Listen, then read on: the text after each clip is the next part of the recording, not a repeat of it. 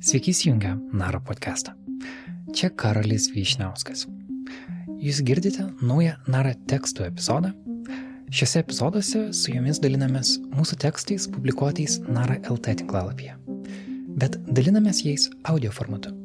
Darome tai tiems žmonėms, kurie negali skaityti arba mieliau klauso negu skaito. Tekstas, kurį išgirsite, yra interviu su antropologė Jeva Pabiržytė. Jeva gilinasi į žmonės, kuriuos Lietuvoje esame įpratę vadinti indienais. Ir per jų pavyzdį kalba apie vakarų pasaulio kolonijistinę praeitį. Jeva ne tik kritikuoja ir siūlo sprendimus, kaip būti atsakingesniems prieš kitas kultūras ir jų palikimą. Su Jeva Pabiržytė kalbasi narai, kurie Berta Tilmantaitė. Tekstą skaito Rugilė Matusevičiūtė. Interviu klausimai yra išskirti muzika. Gero klausimo.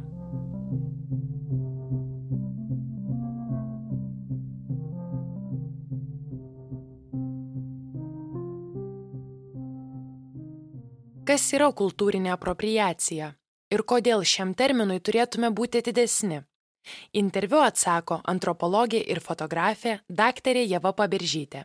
Pagrindinis Jėvos tyrimų laukas - medicinos ir sociokultūrinė antropologija. Pavasarį ji apgynė disertaciją Wamindži Kry gimdymo patirčių ir praktikų testinumas ir kaita. Simboliškai pokalbį pradedame būtent nuo to - gimimo bei gimdymo temos. Ir toliau keliaujame į kolonizacijos, eurocentrizmo ir New Age laukus. Papasakok daugiau apie savo mokslinių tyrimų lauką. Kaip ir kodėl atsiradai Kry bendruomenėje, bei kodėl pasirinkai gimdymų temą. Tyrinėjau, kaip Kry, Kry Nation of Womenji, gimdymo tradicijos keitėsi per paskutinį šimtmetį ir kaip Kry moterys Kanadoje gimdo šiandieną. Su kokiamis problemomis susiduria sveikatos priežiūros sistemoje Vienas svarbiausių aspektų buvo išgirsti Krym moterų ir šeimų patirtis, suprasti, kaip ir kur jos norėtų gimdyti, kas joms kelia daugiausia nerimo, ką norėtų keisti ar kokius pasirinkimus turėti. Labai didelę įtaką autochtonų medicinos žinių sistemai, Indigenous Medical Knowledge, taip pat ir gimdymo tradicijoms turėjo kolonizacija kolonijinė valstybės ideologija ir politika autochtonų atžvilgiu pagal kurios įstatymus autochtonų gyvenimas yra reglamentuotas dar ir dabar. Kry, kaip ir kiti autochtonai Kanadoje, pergyvena labai sunkes kolonizacijos pasiekmes - diskriminacija, sisteminis rasizmas, žmogaus teisų pažeidimai ir toliau yra tos problemos, su kuriomis dauguma jų susiduria diena iš dienos. Turėjau įsigilinti į kolonijinį kontekstą, identiteto politiką, diskriminaciją, sisteminį institucinį rasizmą ir kultūrinę apropriaciją. Ši dažnai yra viena iš priespaudos formų, ypač kai kalba eina apie sociokultūrinės mažumas, grupę žmonių, kurie daugelį metų buvo engiami ir kurie vis dar kovoja už savo teisės bei galimybę formuoti ir komunikuoti savo identitetą viešoje erdvėje. Kovoja su primestais stereotipais. O stereotipai labai skaudžiai atsiliepia kry moterims ir jų šeimoms, susiduriančioms su medicinos personalu, kuris nesupranta kartų traumos, kultūrinio genocido ir bendrai kolonializmo pasiekmių. Kry moteris dažnai negauna kokybiškos sveikatos priežiūros ir tai tiesiogiai daro įtaką motinos ir kūdikio sveikatos būkliai bei kry šeimų ir bendruomenių geroviai. Wemindžikry bendruomenėje lankausi nuo 2005 metų, kai pradėjau magistro studijas Kanadoje. Nors magistrinis darbas buvo iš Lietuvos archeologijos aktualijų, taip pat dirbau archeologe Wemindži Kry inicijuotame projekte Wemindži Protected Area Project. Vasaromis nemažai laiko praleisdavau su Kry šeima jų medžioklės plotuose, kaip jie sako, in the bush, mokydamasi jų žinių ir gyvenimo būdo bei su kolegomis ir Kry atlikdama archeologinius tyrimus. Doktorinės studijas pradėjau taip pat kaip archeologė. Norėjau surinkti ir užrašyti Kry istorijas ir pasakojimus apie jų kraštovaizdį kartu su tų vietovių archeologinė medžiaga. Tačiau taip susiklostė, kad išėjau motinystės atostogų ir reikalai pakrypo į kitą pusę. Mano kry draugė iš Wemindži laukėsi panašiu metu kaip ir aš. Bendraudama su ja pamačiau, su kiek daug problemų, nusivylimų, nerimo ir pažeminimo ji turi susidurti šiandieninėje Kanados sveikatos priežiūros sistemoje. Pavyzdžiui, vienas pagrindinių iššūkių yra privaloma gimdyvių evakuacija iš Wemindži į didžiuosius šalies centrus, kur moteris turi laukti savo gimdymų toli nuo šeimos ir bendruomenės. Daugeliu kry moterų tos kelios savaitės ir kartais mėnesiai svetimoje aplinkoje sukelia daug neigiamų išgyvenimų. Būdama motinystės atostogose vis svarščiau, kokiu būdu man reikės atlikti archeologinius tyrimus Kanados miškuose su dviem mažamečiais. Bet gimdymų tema man pasirodė labai aktuali, įdomi ir artima. Taigi, kai grįžau iš motinystės atostogų į doktorinės studijas, persiorientavau į antropologiją Surašiau naują tyrimų planą ir išvažiavau su vaikais į man jau gerai pažįstamą Wemindžį atlikti antropologinių lauko tyrimų apie kry gimdymus. Čia praleidau keletą metų su mažesnėmis ar didesnėmis pertraukomis ir kalbėjau su kry moterimis, jų šeimomis, bendruomenės senoliais ir vietinės nedidelės klinikos medicinos personalu apie kry gimdymus. Kalbėdama vartoju žodį autochtonas, o ne visiems įprasta indienas. Slavojus Žižekas interviu dalinosi, kad vienas autochtonų Šiaurės Amerikoje jam sakęs, kad mielai ir toliau bus vadinamas indienu, nes šis pavadinimas tai paminklas baltojo žmogaus kvailumui. Kaip manai, kodėl visgi indienas mūsųse vis dar vartojamas žodis? Ir kodėl nebeturėtų tai būti? Sutinku. Terminas indienas yra neblogas paminklas baltojo žmogaus kvailumui. Ir pridurčiau - eurocentrizmui. Bet gal tegul jis paminklu ir lieka, o ne bendriniu ir normalizuotu terminu mūsų žodynė. Ypač Lietuvos kontekste šis terminas siejasi su ir taip labai gaju fiktyviu indieno stereotipu, kuris mažai ką bendra turi su realybė ir tiesiog skatina tolesnį indieno stereotipo plitimą vietoj to, kad ragintų žmonės pasidomėti, kas iš tikrųjų yra senieji Šiaurės Amerikos gyventojai, ar kuo jie gyvena šiandieną ir kokios problemos jiems aktualios. Kalbant apie Kanados kontekstą, autochtonų tautų ir bendruomenių yra labai daug - virš šešių šimtų. Jos turi skirtingas kalbas, tradicijas ir save vadina skirtingais vardais. Kai kurie autochtonai naudoja terminą Indian, bet tai, sakyčiau, labiausiai ginčytinas terminas jų tarpe ir galintis įžeisti. Kiek pastebiu, jis dažniau vartojamas Junktinėse Amerikos valstijose, rečiau Kanadoje. Žodis indienas ilgą laiką buvo vartojamas norint paniekinti, pabrėžti autochtonų tariamą laukinę prigimtį, necivilizuotumą, neišprusimą, kvailumą, purvinumą ir taip toliau. Taigi šis terminas turi neigiamą istorijos pusę, nuo kurios daugeliui autochtonų sunku nusigręžti. Galima būtų paminėti ir tai, kad, pavyzdžiui, Kanados teisinėje kalboje ir sistemoje indieno terminas įsitvirtinęs giliai, nes pagrindinis dokumentas reglamentuojantis autochtonų gyvenimą - Indian Act - sudarytas XIX amžiaus pabaigoje. Toks dokumento pavadinimas ir išlikęs Dokumentas apibrėžia, kas yra indienas, kokios indienų teisės, pareigos, apribojimai ir taip toliau. Šiuo giliai kolonistiniu dokumentu, su begalė pataisimų, ginčių ir debatų, yra vadovaujamasi iki šiol. Pagal šį dokumentą Kanadoje tu esi arba nesi indienas, gauni arba negauni savo indieno tapatybės kortelę. Jeigu ją gauni, Visi tavo gyvenimo aspektai yra reglamentuoti Indieno akte. Svarbu pabrėžti, kad žmonių bendruomenės, įskaitant ir autochtonus Šiaurės Amerikoje, turi skirtingų nuomonių ir požiūrių. Ir tai yra absoliučiai normalu.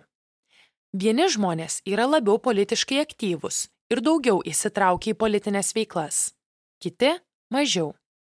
Vieniems mažiau rūpi, kaip juos pavadinsi, kitiems - daugiau. Vieniems tinka indieno terminas, kitiems ne. Kai kalba eina apie autochtonus ar kitas sociokultūrinės mažumas, dažnai norima vieno aiškaus ir paprasto atsakymo. Dažniausiai tokio atsakymo nėra. Taip ir šiuo atveju bendro susitarimo dėl terminų tarp autochtonų Kanadoje nėra. Tačiau viena yra žinoma ir aišku, kad terminas indienas autochtonams Šiaurės Amerikoje buvo priklijuotas kolonizatorių, kurie net nesuprato, kokioje žemėje atsidūrė ir taip vietinius gyventojus pavadino per klaidą. Nenorėdami per daug gilintis į begalę skirtingų kultūrų ir kalbų, tiesiog suplakė visus į vieną krūvą. Taigi klausimas, ar mes ir toliau norime vartoti tokį terminą? Ar tai yra pagarbu ir teisinga? Prisiminkime, kaip mums nepatikdavo, kai bent jau anksčiau, dažnu atveju, užsienio valstybėse žmonės sužinoja, kad esame iš Lietuvos, sakydavo, a, tai iš Rusijos, jūs kalbate rusiškai ar ne? Tai čia panašiai. Mokslo bendruomenėje, dabar jau ir Kanados medijose, plačiausiai vartojamas bendras terminas yra indigenous peoples Tai lietuvių kalboje tikriausiai reikštų autochtonai, autochtonų tautos. Kalbant konkrečiai apie kurią nors autochtonų grupę, svarbu naudoti būtent tokį pavadinimą, kokiu save vadina ta grupė. Beje, dabar jau eilę metų vyksta aktyvūs autochtonų atgimimo judėjimai, todėl jų tautų, gyvenviečių ir teritorijų pavadinimai keičiasi daugelis savo teritorijas ir miestus vadina nebe anglofonų ar frankofonų primestais pavadinimais, bet grįžo prie pavadinimų savo gimtają kalbą. Pavyzdžiui, Wemindži gyvenvietė ilgą laiką buvo vadinama Paint Hills - spalvų kalnai - dėl jų ochros atspalvio. Dabar jau kurį laiką tai yra Wemindži ir šitas kry pavadinimas yra prigijęs tiek autochtonų, tiek anglofonų, tiek frankofonų tarpe. Vartodami autentiškus autochtonų tautų pavadinimus, mes savaime naikiname įsigalėjusi vienalytį laukinio indieno su plunksnomis galvoje stereotipą. Pavyzdžiui, kiekvieną kartą man pasakius, kad tyrinėju kry gimdymus, žmonės klausia, o kas yra kry? Atsiranda puikia proga suteikti konkrečios informacijos apie Cree Nation of Womenji bendruomenę. O kodėl pas mus žodis indienas yra plačiai vartojamas, Manau, nereikia toli ieškoti priežasčių. Lietuvoje yra be galo mažai informacijos apie autochtonus. Nemanau, kad kolonizacijos istorija, autochtonų šiandieninė situacija ir problemos giliau apžvelgiamos ar diskutuojamos mokyklose ar medijose. Be to, vis dar skaitomos senos grožinės literatūros knygos, parašytos kolonijinės ideologijos laikmečiu, su to meto terminais ir koncepcijomis. Tuos kūrinius reikėtų nedrausti, bet analizuoti jų kontekstą, per juos parodyti vaikams ir jaunimui, kodėl žmonės mąstė būtent taip, kas pavyzdžiui yra socialinis darvinizmas ir socialinis evoliucionizmas, ir kodėl šitos teorijos bei ideologijos yra mokslo pilnai atmestos, o terminai atsiradę šių ideologijų laikotarpiu yra nepriimtini ir nevartotini šiandieną. Būtent šios teorijos buvo rasizmo, nacizmo ir kitų baisiųjų izmų pagrindas ir pateisinimas. Suprantama, Lietuvoje yra savų aktualijų, temų ir savų bėdų, bet kolonizacija yra labai didelė Europos ir viso pasaulio istorijos dalis ir yra tiesiogiai susijusi su daugeliu šiandieninių problemų ir iššūkių - įvairiais etniniais konfliktais, pabėgėlių klausimų, sisteminiu rasizmu ir taip toliau. Tie klausimai aktualūs ir Lietuvai. Mes visi šiais laikais tampriai susiję - ekonomiškai, politiškai, kultūriškai ir visaip kitaip. Kalbant apie autochtonus, vienas pagrindinių dalykų, apie ką norėtųsi su tavimi daugiau pakalbėti, tai būtent kultūrinės apropriacijos tema. Gal pradėkim nuo to, kas apskritai yra ta kultūrinė apropriacija. Kultūrinė apropriacija įvyksta tada, kai dominuojanti sociokultūrinė žmonių grupė pasisavina mažumos kultūrinius elementus ir naudoja juos saviems tikslams.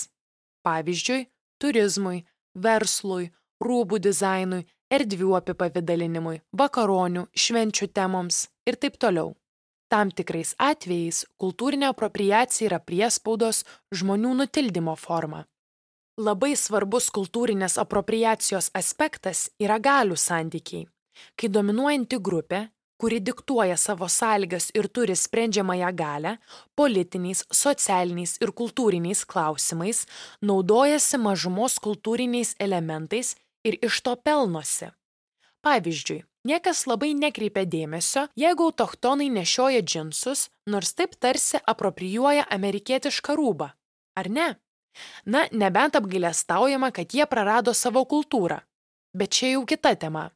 Niekas kažkodėl nepergyvena ir neteigia, kad lietuviai ar kanadiečiai prarado savo kultūrą, jeigu žygiuoja į darbą ne su tautiniais rūbais, o rengiasi pagal darbo rūbų kodeksą. Ar tiesiog taip, kaip patogiau.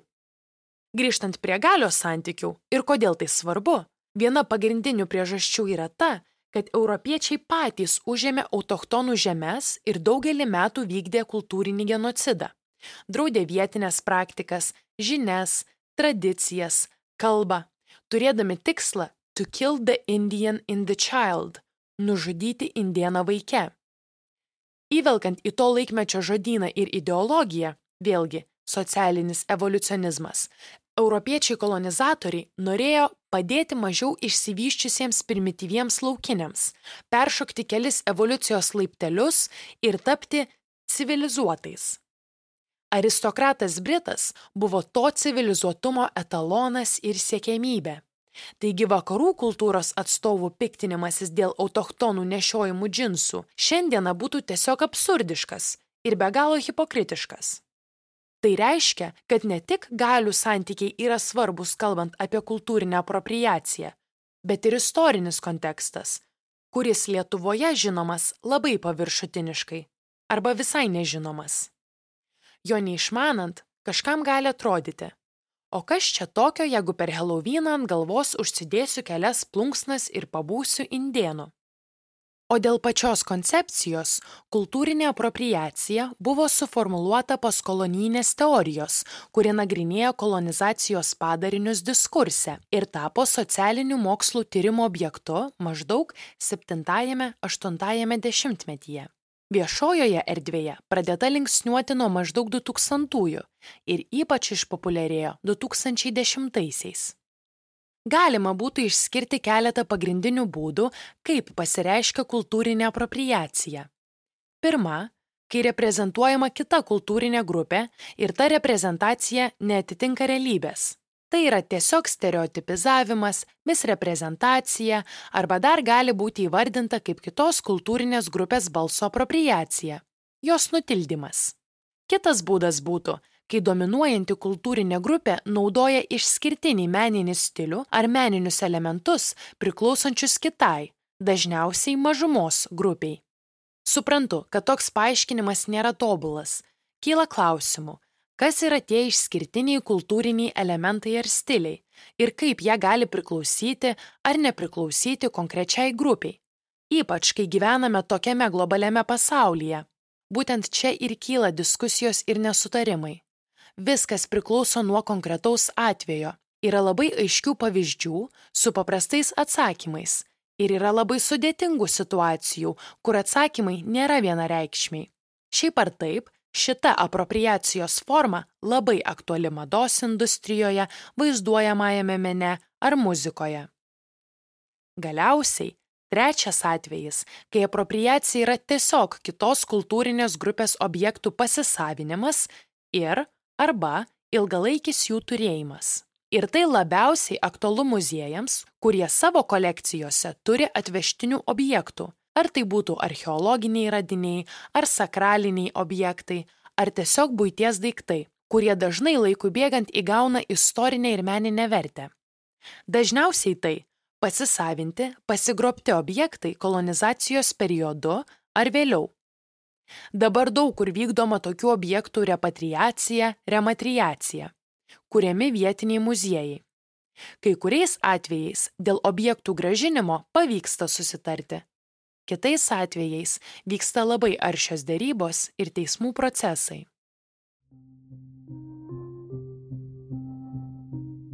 Ne tik vaikystėje žaidėme indienus, bet ir suaugę jais persirengėme - plunksnų karūnos, šukuosenos, veido dažymas, kiti elementai. Pavyzdžiui, spirit animal savokos naudojimas. Kodėl tai yra polemiška? autochtonu persirengęs žmogus Helovino vakarėlėje galėtų pasakyti, kad tai iš meilės ir pagarbos indienų kultūrai. Kaip ir pavyzdžiui Vilniuje esantis knygynas Mintvinetu ar Vinetu kaimas.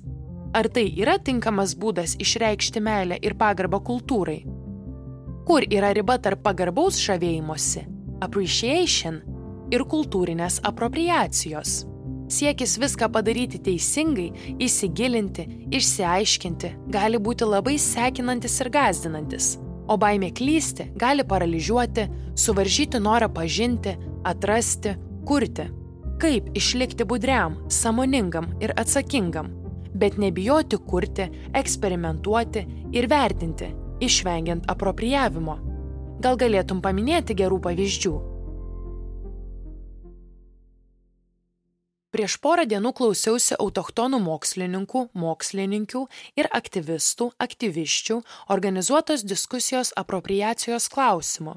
Ir viena iš dalyvių, atsakinėdama į panašų klausimą apie apropriaciją ir pagarbą, pasakė, kad pagarba ir meilė negali būti prievartinės, primestos. Manau, labai taiklu. Pagarbos ir meilės nėra, kai sąlygas diktuoja žmonių grupė, nelabai ką išmananti apie autochtonų gyvenimo realijas ir patirtis, arba žmonių grupė esanti galios, privilegijos ar opresoriaus pozicijoje. Tokia primestinė pagarba greičiau yra paternalizmo, eurocentrizmo ir to paties kolonijinio požiūrio išraiška. Būdų išreikšti pagarbą autochtonų kultūroms ir bendruomenėms yra įvairių. Bet tai tikrai nėra imitacinės plunksnų karūnos nešiojimas, veido dažymas, teminiai vakarėliai ar stereotipinių atvaizdų naudojimas logotipuose ir prekiniuose ženkluose. Ir tikriausiai sukelsiu audrą taip sakydama. Bet vaikų žaidimai persirengiant indienais turėtų būti gili praeitis. Taip kaip veido dažymas juodai, blackface ar karo spalvomis jau nekalbant apie indieniškų pramogų ir stovyklų organizavimo pinigams užsidirbti. Suaugusieji turi jausti atsakomybę ir vaikams pasakyti, kad tokie žaidimai yra nepriimtini ir žeminantis kitos tautybės žmonės, kurie gal ir negyvena šalia mūsų, bet nenori būti vaizduojami būtent taip.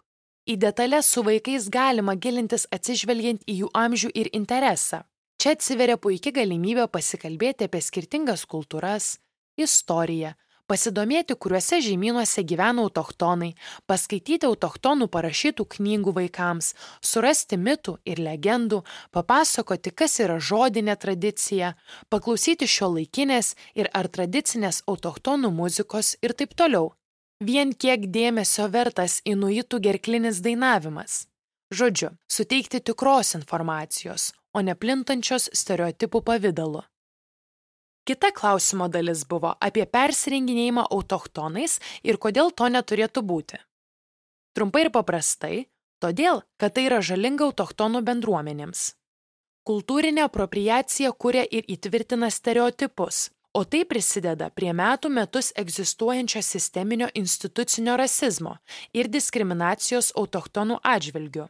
Kry atėjęs į gimdymo ar ugdymo įstaigą, parduotuvėje ar gatvėje susiduria su begalė žmonių, kurie elgesi jo jos atžvilgiu pagal nusistovėjusius stereotipus. Moksliniai tyrimai rodo, kad autochtonų stereotipai visuomenėje mažina autochtonų pasitikėjimą savimi, ypač jaunimo tarpe. Skatina įsitikinimą, kad jų ir jų bendruomenių balsas neturi įtakos. Vaikai sieja ateitį su neigiamais išgyvenimais, didėja depresijos tikimybė. Taip pat pastebėta, kad dalis autochtonų vaikų ir jaunimo vengia sporto.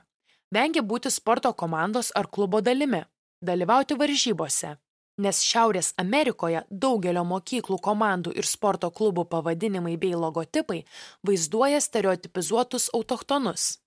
Naudoja žeminančius šūkius rungtynių metu, rasistinės skanduotės.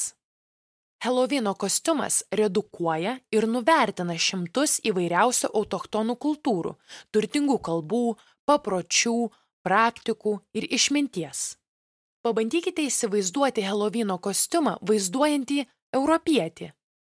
Kaip toks kostiumas turėtų atrodyti? Ar žmonės suprastų, koks tai kostiumas? Tikriausiai vakarėlėje reikėtų nemažai aiškinti, ką jis reiškia ir kodėl būtent toks. Paprastai yra laikoma, kad europiečiai skirtingų kultūrų atstovai ir netgi tose pačiose kultūrose jie yra individai, turintys skirtingas pažiūras, patirtis, charakterius ir nuomonės. Kolektyvinėje pasąmonėje europiečio kostiumas tiesiog neegzistuoja. Persirenginėjimas kitos tautybės atstovu paniekina žmonių patirtis, jų išgyvenimus, siekius ir kovas. Pavyzdžiui, Kanadoje autochtonės moterys ypač kenčia nuo smurto ir seksualinės prievartos. Moterys ir mergaitės žudomos ir dinksta be žinios, o jų bylos lieka netirtos.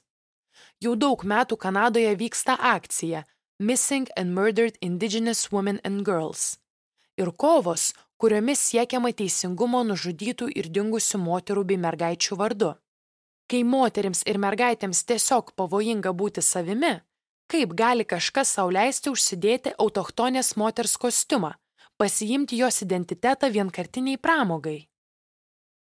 Jeigu kalbėsime apie plunksnas galvoje, labai gerą paaiškinimą ir pavyzdį prisimenu iš Chelsea Vowell knygos Indigenous Rights. Čelsi rašo, kad egzistuoja ribojami simboliniai objektai, kuriuos gali gauti ir turėti ne kiekvienas, ir neribojami. Ribojami simboliniai objektai vakarų kultūroje yra, pavyzdžiui, valstybinės reikšmės apdovanojimai, ordinai, medaliai ar mokslo diplomai.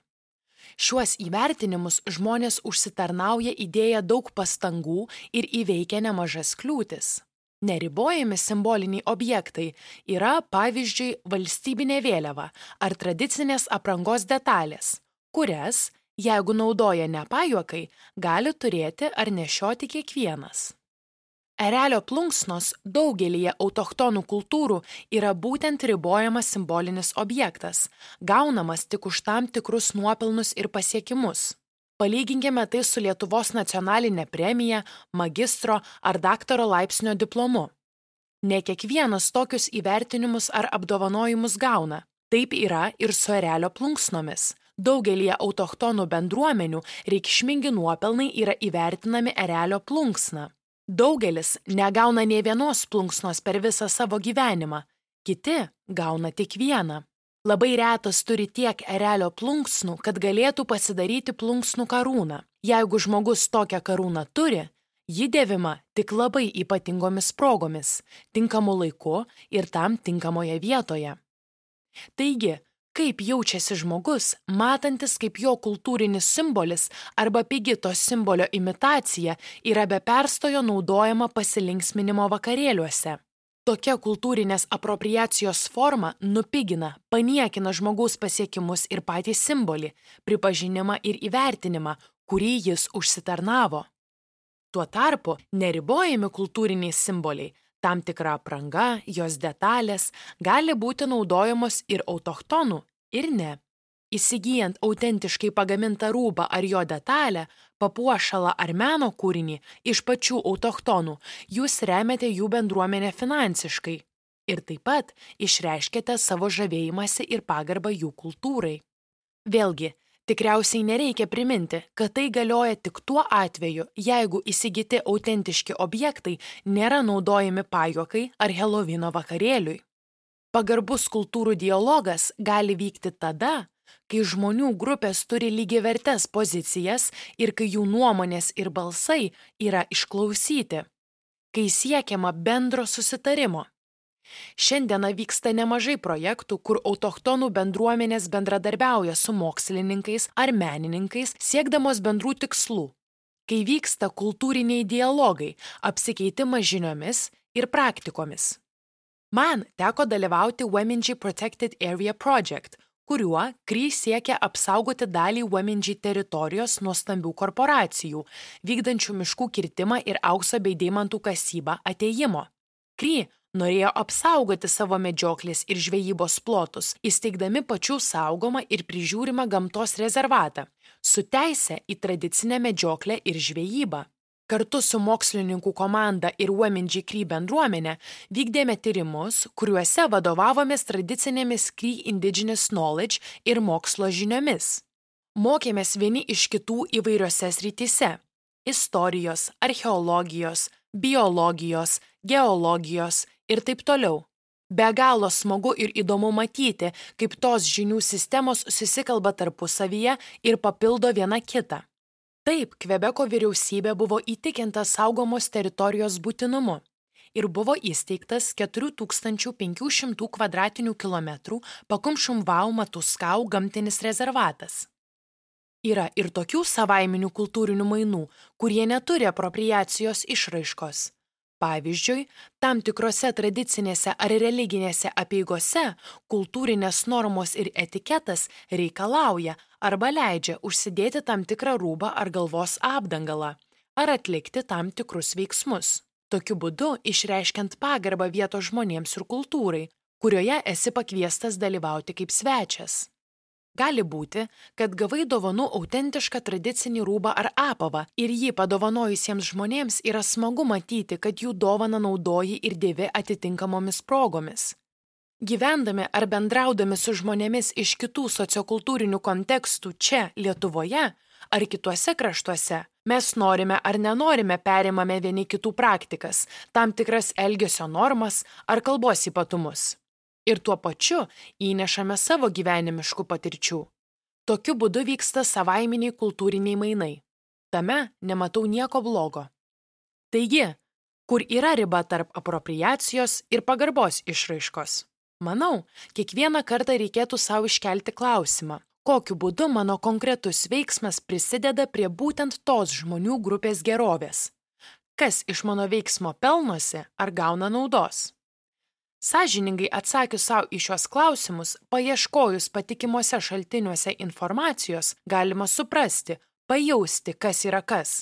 Beieškant informacijos visada svarbu atkreipti dėmesį į galių santykius, simbolinės objekto reikšmės, istorinį tos kultūrinės grupės kontekstą ir šiandieninės aktualijas. Įsiklausyti, ką sako dauguma tos kultūrinės grupės atstovų. Kiekvienas atvejis gali būti ganėtinai skirtingas ir mažiau ar daugiau sudėtingas. Jeigu abejojama, aš būčiau linkusi tiesiog to atsisakyti. Mūsų buvę vardai Nanuk bei Naila taip pat atsirado iš noro atiduoti duoklę pirmojo dokumentinio filmo veikėjams, kurie buvo išnaudojami kūrybinėme procese. Tačiau ilgainiui atėjo suvokimas, kad galbūt visgi čia kažkas ne taip. Gal nėra teisinga tiesiog imti ir viską naudoti taip, kaip norisi, net jeigu manai, kad darai tai vedinas pačių geriausių ketinimų. Užsiminiai, kad ir tau tie pavadinimai užkliuvo ir kad palengvėjo, kai jų neliko. Gal galėtum trumpai paaiškinti, kodėl? Visada stebiu, kokia informacija apie autochtonus pasiekia Lietuvą. Kodėl ir kaip ta informacija naudojama. Ar tai būtų logotipas, ar gatvės menas, suvenyrai, prekių pakuotės, ar galų gale podcast'o pavadinimas. Man tai įdomu ir svarbu, nes susiję su mano tyrimais ir ilgamečiu darbu Womenji Kry bendruomenėje. Ir man nuoširdžiai rūpi, kokia informacija pateikiama čia, Lietuvoje, apie žmonės, kurie man yra svarbus, su kuriais aš užmesgusi ne tik profesinius, bet ir asmeninius santykius.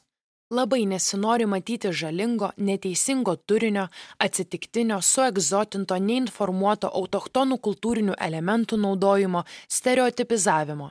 Norėčiau, kad Lietuvoje žmonės prisidėtų prie pozityvios, apgalvotos, o ne diskriminuojančios žinutės.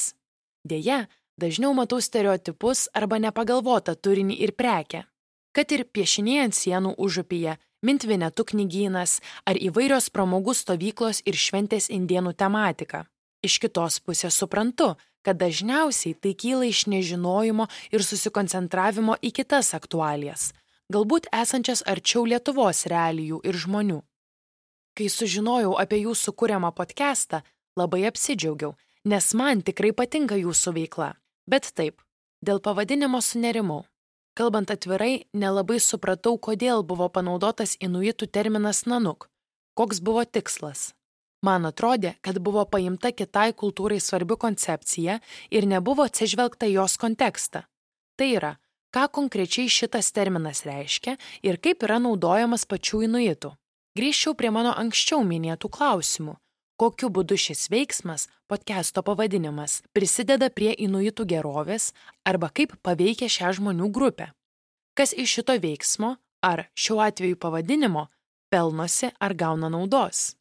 Nejauku atrodė tai, kad lietuviškame kontekste tai tampa egzotišku elementu, neturinčio pagrindo ar priežasties būti šioje vietoje. Beje, suegzotintas autochtonas yra vienas iš labai paplitusių stereotipų, kurio autochtonų bendruomenės bando atsikratyti. O jeigu pavadinimas buvo pasiimtas dėl paties Roberto Flaherty dokumentinio filmo vertės ar veikėjų, vėlgi veikėjai buvo sukurti režisierius. Filmo produkcija ir jo palikimas yra ne vienareikšmiai, turintis tiek etiškų, tiek su kolonijiniu mąstymu susijusių problemų. Pavyzdžiui, Flaherty buvo net keletos inuičių vaikų tėvas, įskaitant filmo heroją Nailą, tačiau jis už savo vaikus niekada neprisėmė atsakomybės ir jų nepripažino. Beje, tai buvo dažna baltaodžių misionierių, keliautojų ar kailių prekeivių praktika šiaurėje. Taip, Filmas ir kūrybinis procesas turėjo inovatyvių elementų tame laikmetyje ir Flaherty buvo vedamas, manau, gerų ketinimų. Bet filmas atspindi ir vieną iš tuo metu paplitusių stereotipų apie kilnų į laukinį, primityvų inuitą. Ir, kalbant to meto terminais, inuitą, kuris yra ties išnykimo riba. Tiek filmo aplinka, tiek apranga, Tiek patys herojai, jų vardai ir filmo turinys buvo surežisuoti ir pateikti kaip inuitų realybė. Nesu dariusi gilios šio filmo ir jo konteksto analizės, bet manau, kad pakanka faktų, jog podcastui geriau suteikti neutralesnį ir geriau esmę atspindinti pavadinimą. Daugiausia su tavimi kalbėjome apie autochtonus Šiaurės Amerikoje ir jų problemas bet kultūrinė apropriacija apima beveik visus žemynus ir visas vietinės indigenės kultūras. Ypač aiškiai tą galima pamatyti New Age, naujojo amžiaus judėjimuose, kur dažniausiai baltaodžiai pelnosi iš apropriatyvių veiksmų, nusavintų ritualų, apieigų, neatsižvelgdami į jų kultūrinį ir istorinį kontekstą. Įvairių kultūrų praktikos egzotifikuojamos, fetišizuojamos, o kai kas jau taip išnaudota, kad tampa norma. Pavyzdžiui, kasdienės atsainios apropriacijos - Buda bowls kavinėse ar dekoratyvios Budos statulėlės, indiški bindi ar afrikietiškos kasytės kaip stiliaus elementas, besaikis palo santo naudojimas, kuris jau kelia grėsmę medžių išlikimui, genčių tatiruotės kaip eilinis kūno dekoras ir taip toliau. Problema randasi, kai vienai kultūrai kažkas draudžiama, jų paveldas naikinamas, o kitai kultūrai tuos dalykus perimus, tai tampa madinga popkultūros dalimi. Kita vertus, galbūt šitaip tie elementai ir praktikos yra išsaugomi nuo sunikimo. Kur yra takoskira tarp natūralaus kultūrų susipinimo, tradicijų išsaugojimo ir žalingų apropriacijų? Nenorėčiau labai generalizuoti New Age judėjimų Jų yra be galo daug ir labai įvairių. Bet tiesa yra ta, kad New Age yra viena palankiausių terpių kultūriniai apropriacijai plisti ir tai vyksta labai dideliais mastais. New Age judėjimai dažnai pasisavina ir suegzotina elementus iš kitų kultūrinių kontekstų, nesigilina į tų kontekstų ar objektų reikšmės, tų elementų naudojimo pasiekmes. Žinoma, paklausus, daugelis New Age atstovų pasakytų, kad mokėsi pas guru ir mano, kad žino pakankamai. Kartais gal pakankamai, o kartais gal ir ne. Pasisavinti kultūriniai elementai ir praktikos yra naudojami savęs tobulinimui, gydimui, turizmui, komercijai. Tai yra saviems tikslams. Klausimas, tik kaip ir kokiu būdu toks pasinaudojimas daro įtaką bendruomenėms, iš kurių šie elementai yra imami. Nesakau, Gali būti, kad tam tikrose gydimo ar savęs tobulinimo praktikose tai daroma etiškai, bet neigiamų pavyzdžių netrūksta. Pavyzdžiui, viena įtakingiausių New Age asmenybių, Karlosas Kastaneda, beje, antropologas, kuris prirašė knygų paremtų neva Jeki išminčiaus mokymais, iš to apgynė disertaciją. Laipsnis vėliau buvo atimtas ir susikrovė turtus, kurių užteko patogiai gyventi iki gyvenimo galo. Pasirodo, viskas buvo melas ir iš piršto laužta. Lauko tyrimai nebuvo atlikti, o aprašyta išmintis - tik fikcija. Daugelis iki šiol skaito, žavisi ir neturi žalio supratimo, kas iš tikrųjų yra jaki ir kokiomis realijomis šie žmonės gyvena šiandien. Jais buvo tiesiog pasinaudota. Pasaulio autochtonai turi ne vienareikšmį požiūrį į New Age. Nemaža dalis autochtonų patys įsitraukia į įvairių praktikų apmokymus ir iš turistų, ieškančių dvasinių potyrių ar tradicinių gydimo būdų, užsidirba pragyvenimui. Tačiau nemažai mokslinių tyrimų rodo, kad finansiškai tai yra tik trumpalaikis sprendimas bendruomenėms. Toks pragyvenimo šaltinis neužtikrina ilgalaikio ekonominio stabilumo, nepagerina pasaulio autochtonų teisių, kurios yra brutaliai pažeidinėjamos beveik visuose pasaulio kampeliuose. Lygiai taip pat nesprendžia klimato kaitos, kuri labai stipriai paveikia autochtonų bendruomenės ir naikina gyvūnų ir augalų rūšis, kurios yra tradicinis ir labai svarbus pragyvenimo šaltinis. Kai kurios sakraliai ir praktiškai svarbios augalų rūšys tiesiog nyksta dėl didelės paklausos vakarų pasaulyje, ar tai palo santo medis, ar pejauti kaktusas.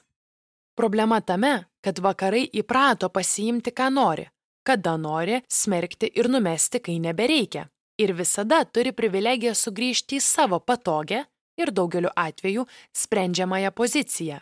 Pasaulio autochtonai ir POC, People of Color, su tokiais veiksmais ir tokiu vakarų pasaulio požiūriu yra susidūrę begalę kartų. Gerai pastebėjai hipokritišką elgesį, visuomenės dalis, kuri yra atsakinga už įvairias priespaudos formas - kolonizaciją, struktūrinį rasizmą, kultūrinį genocidą, mikroagresiją, leidžia savo prisiklijuoti bindi, pasikabinti sapnų gaudyklę, pasistatyti būdo statulėlę, sudalyvauti dvasinėme rituale, įsisekti plunksną į galvą ar surenkti indienų vakarėlį. Tuo tarpu daugelis autochtonų ir POC kovoja už savo teisę būti pilnaverčiai žmonėmis šioje žemėje ir piliečiais valstybėse, kuriuose atsidūrė ne per seniausiai ir ne savo valia. Kur yra takoskira tarp tradicijų išlikimo ir išsaugojimo, svarbu suvokti, kad tradicijos kinta, jos nėra užsikonservavusios laike. Ir tai nėra blogai. Niekas nestovi vietoje, nenorėkime iš autochtonų padaryti arhainių liekanų. Kry yra medžiotojai, rinkėjai, žvėjai. Tačiau jie taip pat yra mokslininkai, rašytojai, menininkai, politikai ir taip toliau. Jie yra modernus šių dienų žmonės, lygiai kaip lietuviai, vokiečiai ar britai. Tačiau tradicijų kitimą turi spręsti ir nulemti ne galios pozicijoje esančios grupės, priespaudos ir išnaudojimo forma, o patys žmonės, gyvenantys tose praktikose ir tradicijose. Tradicijos atsisijoja, kinta, žmonės naudoja tai, kas jiems patogu ir tinkama. Šiandien kry važiuoja į medžioklę sniegomobiliais, o žvejoti plaukia motorinėmis valtimis. Grįžę į miestelį gali įsijungti Netflix ir žiūrėti filmą grūkšnodami arbatą namuose arba prie laužo jaukiame tipyje, savo namų kieme. Ir tai puiku. Mes, kurie nesame autochtonų bendruomenių dalis ir sakome, kad žavimės autochtonų tradicijomis ar kitomis kultūromis, turėtume labai atsakingai pasverti, ką ir kodėl naudojame ir kokios to pasiekmes. Imitacija ir neatsakingas be kontekstis svarbių kultūrinių elementų vartojimas tikrai neišsaugo tradicijų. Greičiau jas iškraipo ir užgožia autentiškas reikšmes, atima iš bendruomenių sprendžiamą į žodį savo identiteto formavime, kuris yra labai svarbus elementas šiandieninio autochtonų atgimimo ir suvereniteto siekimo procesuose.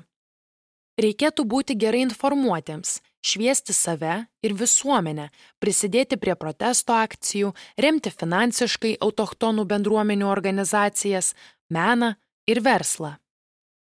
Kolonializmas mus išmokė, kad vietos tarsi pradeda egzistuoti tik tada, kai baltieji atradėjai jas atranda, užkariauja ir staiga tūkstantmečių istorija savus pavadinimus turinčios vietos tampa Amerika, savus genčių pavadinimus turintys autochtonai - indienais. Denali kalnas - Makinlio kalnu. Ežerai, upės, kriokliai pervadinami vakarietiškais vardais, trinamas vietos žmonių palikimas. Autochtonai tampa naujų valstybių gyventojais, jų kultūrinis paveldas išgrobstomas ir eksponuojamas muziejuose ir vakaruose. Pats vakarų apibrėžimas irgi tampa problematiškas. Kai pradedi gilintis, akivaizdu, kad negerai šiaip jau yra labai daug dalykų. Ir tai reiškia, kad norint juos ištaisyti, reikia mokytis. Ir svarbiausia - keistis, pripažinti, kad klydai, prisijimti atsakomybę. Juk kartais aproprijuoti gali net to nežinodamas, kai panaudoji kokį kasdienoje jau įprastą elementą ir nepagalvoji, kad jo istorinis ir kultūrinis kontekstas problematiškas. Nuo ko pradėti viską narplioti ir kaip keistis. Juk iš esmės turim apversti aukštinkojom nusistovėjusią kolonialistinę pasaulyje žiūrą, kurios mokomi esame nuo pat mažens. Labai gerai pastebėjai dėl vakarų termino. Jis tikrai problematiškas lygiai kaip ir skirstimas į mes ir jie. Bent jau antropologijoje bandoma atsikratyti šių kategorijų, atskirčių ir koncepcijų. Tik netaip lengva praktiškai tai padaryti. O žmogui, augusiam tam tikrų laikų tam tikroje sociopolitinėje terpėje, žinoma, nėra lengva persiorientuoti ir nubraukti tai, kas jam yra normalu ir įprasta. Kaip ir sakai, negali visko apriepti, žinoti, dekonstruoti. Antropologija, socialiniai ir humanitariniai mokslai turi daugybę dekolonizacijos procesui pašvestų tyrimų ir mokslinės literatūros. Pati antropologijos disciplina reikalauja didelių pokyčių. Nepamirškime, kad antropologijos mokslo ištakos yra giliai kolonialistinės. Pirmieji antropologai važiuodavo į tolimus kraštus tirti egzotiškų kultūrų, dėliojo jas į mažiau ar daugiau pažengusias, bendradarbiavo su kolonialistinėmis vyriausybėmis, prisidėdavo prie jų tikslų ir kolonizavimo procesų. Taigi, vienam žmogui viską išnarplioti ir žinoti yra neįmanoma ir nereikia. Užtenka prisiminti, kad imantis kažkokios veiklos, verslo ar kultūrinių elementų skolinimosi iš tolimų kraštų, ypač jeigu tai kvepia egzotika ir nelabai pažįstamais sociokultūriniais kontekstais, pirmą vertėtų pasigilinti ir sužinoti, ką sako patikimi šaltiniai. Taip pat nereikia perdėm bijoti klysti. Kažkada suklystame visi. Svarbiausia - pripažinti, kad suklydai, o tada padaryti atitinkamas išvadas ir judėti toliau. Dekolonizacijos procesą gali pradėti kiekvienas asmeniškai nuo savęs, stebėdamas ir kvestionuodamas aplinką. Žinoma, reikia ir sisteminių pokyčių, ypač edukacijoje, kad naujosios kartos auktų kuo mažiau eurocentristinėje pasaulyje žiūroje, kad informacija apie kitokius sociokultūrinius kontekstus ir skirtingas žinių sistemas gautų ne iš turistinių ar hipsterių parduotuvėlių, holivudinių filmų ar indieniškų stovyklų, bet iš edukacinių institucijų, teikiančių ne tik švietimo kolonializacijos ar dekolonizacijos klausimais, bet ir mokančių kritinio mąstymo ir gebėjimo atsirinkti patikimus šaltinius ir informaciją. O dabar prie konkrečių pirmų žingsnių. Kam įdomu mūsų diskutuotos temos apie apropriaciją, autochtonų identiteto reprezentavimą ir šiandieninės aktualijas, siūlau lengvai ir linksmai skaitomas blogerės autochtones - Chelsea Vowell iš Metis tautos ir Adrian Keen iš Šerokių tautos. Kas mėgsta skaityti knygas iš negrožinės literatūros, siūlau labai aiškiai, paprastai ir įdomiai su geru humoro jausmu parašytą Tomaso Kingo Inconvenient Indian Beje, tuoj pasirodys ir dokumentinis filmas, paremtas būtent šitą knygą, bent pasižiūrėkite trailerį. Mėgstantiems skaityti grožinę literatūrą, siūlau atsiversti Richard Wagamys knygas. Mano mėgstamiausios - Medicine Walk ir Indian Horse. Filmų mylėtojams iš dokumentinių sąrašo rekomenduoju kry režisieriaus Nilo Diamondo Real Engine apie autochtonų reprezentaciją Hollywoodo filmuose. Ir galiausiai susiraskite pasiklausyti Tribe Called Red.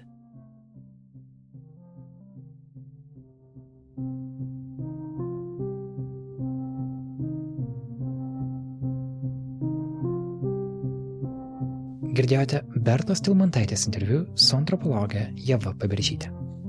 Jį skaitė Rugilė Matusevičiūtė, o redagavo Pranciškus Brašiūnės. Epizode skamba Martino Gailiaus kurta muzika.